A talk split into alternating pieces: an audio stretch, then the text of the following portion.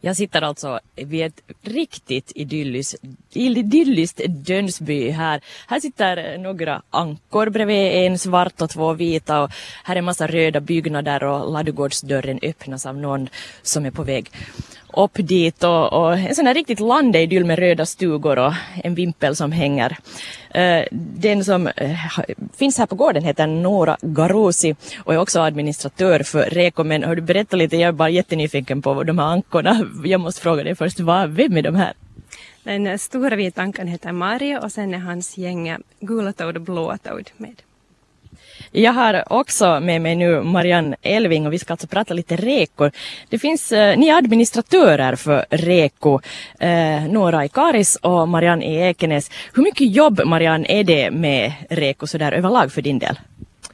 Eh, överraskande mycket om man tycker om det. är ett eh, ganska roligt jobb och, och, det går nog flera timmar i veckan måste jag säga, i synnerhet på sommaren när vi har Reko varje fredag. Hur är det med dig Nora? Ja, jo, det är nog mycket att hålla koll på. Just att rensa väggen från gamla annonser och uh, sätta in nytt evenemang och godkänna både producenter och nya medlemmar. Så, så nu blir det en hel del. Och vi ska här emellan också prata, berätta lite vad REKO egentligen är. Det är alltså ett sätt att handla närproducerat direkt från producenterna. Producenter lägger ut varor eh, som de har då för den veckan just på Facebook och så får den som vill då beställa därifrån. Och sen hämtas alltid de här varorna en viss dag och på ett viss tid och på samma ställe. Uh, uh, hur mycket, du sa att, att det är en del uh, som måste tas bort och flyttas och man ska godkänna. Vilka är de här största utmaningarna med det här? Oj, svår fråga. Men det är kanske att godkänna producenter. Att om det är någon som är härifrån Raseborg eller den här trakten så då är det ju enkelt om man bara ser lite till vad de sysslar med. Men sen när det kommer förfrågningar från kanske Åbolands skärgård så, så är man lite sådär att ja, det kanske inte riktigt närproducerat då, att vi måste nog kanske tacka nej. Ja, var går den där gränsen? Har du funderat över det, Marianne? Eh, jo, många gånger. Vi, vi, är ganska liberala skulle jag säga i våra rekoringar, alltså i Ekenäs och Karis och Ingo. Men eh, vi brukar sinsemellan ibland ta upp de här fallen och, och fundera att är det här nu reko eller är det någonting som för, går utanför. Det ska ju vara gärna då närproducerat då på lokala råvaror och, men, men det där vi, vi är inte hemskt starka poliser här. Vi vill hellre ha liksom fungerande marknader. Mm. Finns det några nedskrivna regler som ni kan gå efter alls? Det finns det nog. Ja, det jag kommer inte ihåg vad den här hemsidan heter, men där finns helt noggrant för både för administratörer, producenter och eh, då, kunder. Så man kan läsa vad det innebär och hålla sig till det. Det, det, är ju lite, när jag var inne och tittade till exempel idag på, på Karis Reko så om jag minns för några år sedan så, så var det ännu sådär att man köpte morötter eller potatis men nu är det väldigt mycket så här tillverkade produkter, färdiga produkter som ha, har slagit igenom ganska mycket. Uh, är det här någonting som är helt okej okay, eller vill man styra det här på något vis? Eh, det är nog okej. Okay. Det beror lite på vad det är för produkter det är frågan om. Men, men om det nu finns små producenter. Eh, ett bra exempel är, kombucha som har kommit med som en sån här riktig hit.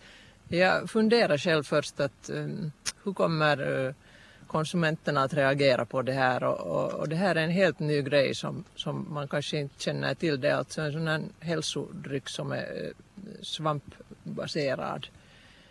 Men det har varit en verklig hit. Det har gått jättebra både i Ekenäs och Karis och har, har vi hunnit till Ingo också. Hur mycket är det sen lokala råvaror i en sån dryck och hur kan ni kontrollera det här då?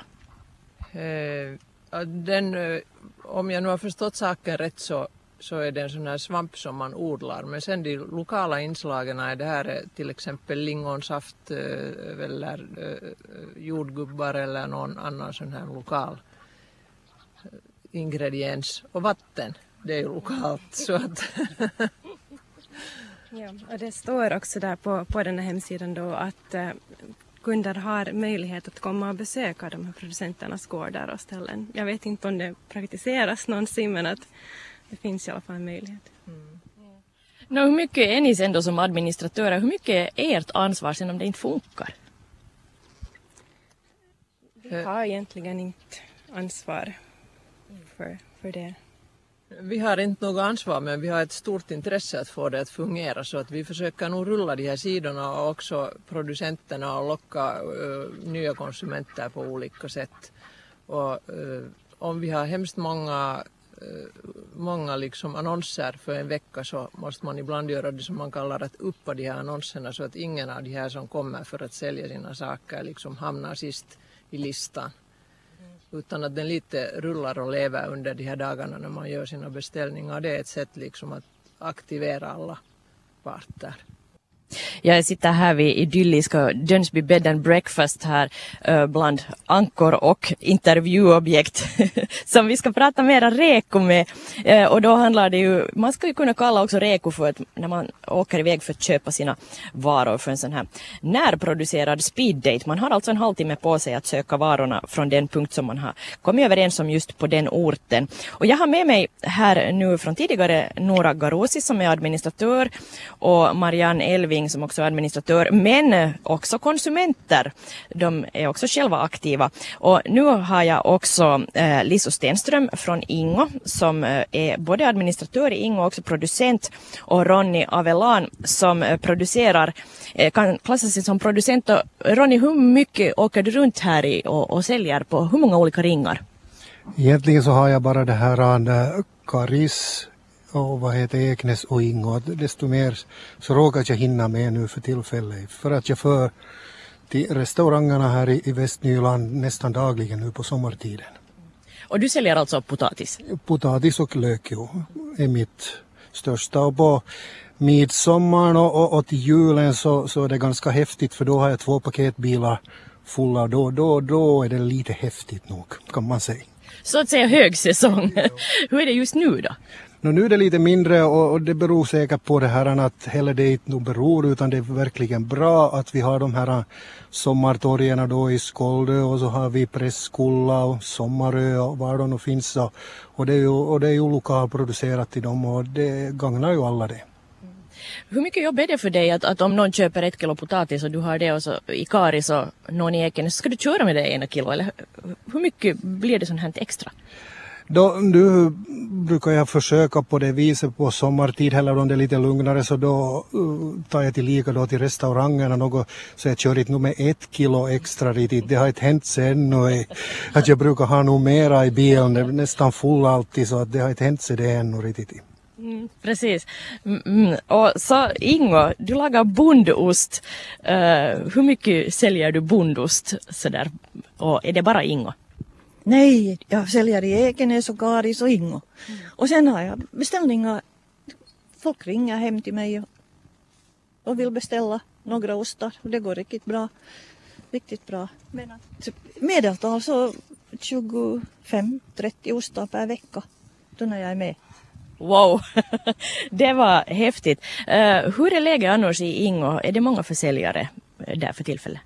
Det är inte så många försäljare där. Det är kanske ganska lugnt för tillfället.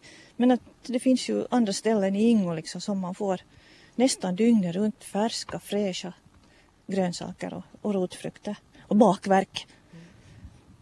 Och som vi lite talar här också mellan låtarna att, att mycket handlar ju om den här principen att tänka närmat. Det är inte bara det att, att ni ska eh, ordna de här ekogrupperna utan få en, en allmän inställning i samhället. Det var Marianne du som, som talade om det här just att, att, att det, ni gör det frivilligt och att, att det, när, det närproducerat som är viktigt, inte att rekoringarna är just på ett visst sätt. Ja, jag tycker att det här är en jätteviktig sak och rekoringen är en, en del i den här liksom att skapa medvetande hos konsumenterna varifrån maten kommer och hur den produceras. Och jag hoppas ju att det här sprider sig.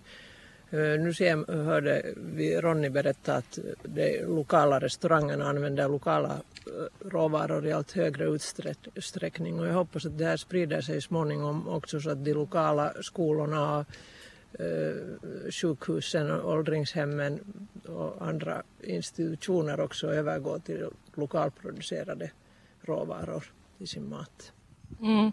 Uh, Nora, uh, du är ansvarig här för Karis Reko och vi nämnde just att allt startar från en, en uh, diskussion i Yle Västnyland. Så från det startade Karis när man diskuterade att det skulle kanske behövas en rekoring i, i Karis också. Det fanns då i Ekenäs. hur hade, vad är det sen som gör att en sån här rekoring fungerar? Att det finns brett utbud av produkter förstås och sen också att Ja, att det är bra produkter och uh, att det är roligt att komma dit. Tänker. Det är många som också kommer hit bara för den här sociala kontakten, att träffa då producenterna men också sina kompisar där. Att, att mina barn älskar att komma med dit i parkeringen och träffa sina andra dagiskompisar medan vi föräldrar då köper. Mm. Ronny, hur viktigt är det här för dig som producent? Alltså visst är det att knyta kontakter och, och ännu till det där att laga en kilo heller i en påse där vi faktiskt sätter mycket tid till det att det ska vara ordentligt, att vi plockar det bästa som vi hittar så, så plockar vi och, och väggar och, och, vi sätter alltid några extra på till det där kilo att det, det, det, det, det stämmer det där heller att det är lite på också så att det ska vara bra produkter. Men äh, som producent så, så är det ju en utmaning då när man ska åka till flera ställen att tidpunkterna ska passa ihop. Att man riktigt, äh, att du hinner alltså från ställe till ställe. Hur, hur får du det att gå ihop? Och där får man nog sen pussla med att äh, min bror brukar vara med emellan och, och sen min kära fru så brukar vi, vi brukar nog dela på det där och, och försöka att någon alltid hinner. För vi är på jobb sen på sidan om ännu till så att det sätter sina, sina problem ska vi säga så att. Mm. Men du har på något vis löst det hittills? Vi har ändå löst det hittills. Att nu i år så fick vi bli en fredag borta för då var vi båda på jobb tyvärr. Så blev vi en fredag borta. Uh, som mest så förstår jag att, att, ungefär 30 ställen hinner en av de här producenterna till men det är ju nog någon slags rekord. Jag förstår inte hur man ska passa ihop det. Men det betyder ju också att, att uh, konsumenterna behöver en bra tidpunkt att, uh, att kunna komma. Att, någonting som passar dem oftast eftermiddag efter jobbet kan jag tänka mig. ni har i, i Ingo kämpat lite med det här att hitta någon bra tidpunkt och, och så här. Det är klockan sju på fredagar nu. Vad har den här diskussionen gått ut på? Det är sommargäster, de tycker inte om det för att eh, de säger att de inte den tiden i kyrkobyn. Och det förstår jag mycket väl. Eh, ortsbefolkningen vill hellre ha på torsdagen men då måste det bli en annan ring för, för de producenter som är med nu på fredagen så kör de flesta kör Ekenäs, Karising och, och det här, det är inte sådär bara att byta. Nej, det är inte sådär bara att, att mm, byta, byta dag därför att, att just det måste passa ihop sig med alla andra. Men ni har haft en sån enkät där på gång för tillfället. Vad har den visat då? No, det är ungefär 50-50. Man får ta det som, det som det kommer egentligen. Att, eh, då löser det sig till slut. Det vill säga 50-50 torsdag och fredag, var det så? Ja. Och tidpunkten har, den har inte haft så hemskt stor betydelse sen sist och slutligen. Många har funderat över det här med priser och reko. Att det känns dyrt att gå på reko. Det kanske var nog inte tanken från början utan den här mellanhanden skulle ju bort mellan producenter eh, och konsumenter. Eh, eh, Ronny Avelan, är det, du säljer då potatis och lök. Är det, är det dyrt att köpa av dig? Det är lite så hur man tänker, vi gör ju en service ska vi säga nu att nu plockar jag ut de där ska vi säga de bästa potäterna och väger upp det där drygt ett kilo då ska vi säga när en beställer ett kilo så det är drygt ett kilo. Att är du kom, far du till butiken då så ska du själv dit och plocka ut dem där och väg den där påsen. Så egentligen är det ju en service det där eh, som vi, vi vill ju ha lite betalt för den där servicen. Mm. Och sen i butikerna så kan ju köra till exempel med sådana saker att eh, de köper in för ett, för ett pris och, och sen sätter något i specialpris, det är sagt, de kan sätta under det priset till exempel som de har köpt in för också. Har du varit med om det då? Jag har varit med om det ju, att jag har levererat lök för, för ett, eh, vad heter det, för 1,25 knippan och så sålde de ut det för 0,99 till exempel. Samma lök alltså exakt? Samma lök precis. Det låter ju jätteologiskt men det handlar ju säkert om att de till exempel köper in stora partier eller så kan sänka priserna och ta in pengar på annat håll också. Ja, de har en dator som de kan knäppa på och höjer och sänka på vissa produkter dagligen och så får de in det på något vis. Uh, Lisa Stenström, hur är det med din uh, bondost? Där kan det kanske inte gå på samma vis. Här är färdiga produkter som är på ett annat vis prissatta. Ja. Och det där, av någon underlig anledning så går jag alltid och kollar priser på, på det där så kallad bondost i butikerna. Och det där, min bondost är kilopriset lägre på än i butiken. Så jo, inte det är alltid dyrare på Reko. Det, det är inte alltid så. Håller, håller ni med Nora och eh, Marianne? Ja, jag tänker framförallt på det att du får ofta dina varor så jättefärska att du, du använder allt, det blir inget svinn så att på det sättet vinner du själv också. Och det är ju liksom också ekologiskt vettigare att vi inte slänger bort en del av det som vi bär hem från den som vi har köpt det av. Ja, jag har fått höra nog kritik mot det här till exempel att, att äggen skulle vara väldigt mycket dyrare i Reko och att de, man kanske då hellre ska köpa från butiken när det är billigt bra men, men där är ju också kvaliteten helt annat. Att här, jag köper bara Reko-ägg till med den breakfasten till Café Dagny här och gästerna märker ju genast skillnad. De frågar att är det här nu egna ägg? Säger att de smakar annorlunda helt enkelt. Men idag får du också ekoägg i butiken, är det inte ungefär samma sak då? No. Nej, det är inte, det är inte alls samma sak. Nej. Nej, precis. Uh, är det så att, att producenterna också betalar skatt för det att de säljer? Va, hur är det med er producenter? Gör ni det? No, jag har egentligen ett, en firma. Så det går allt via bokföringen där.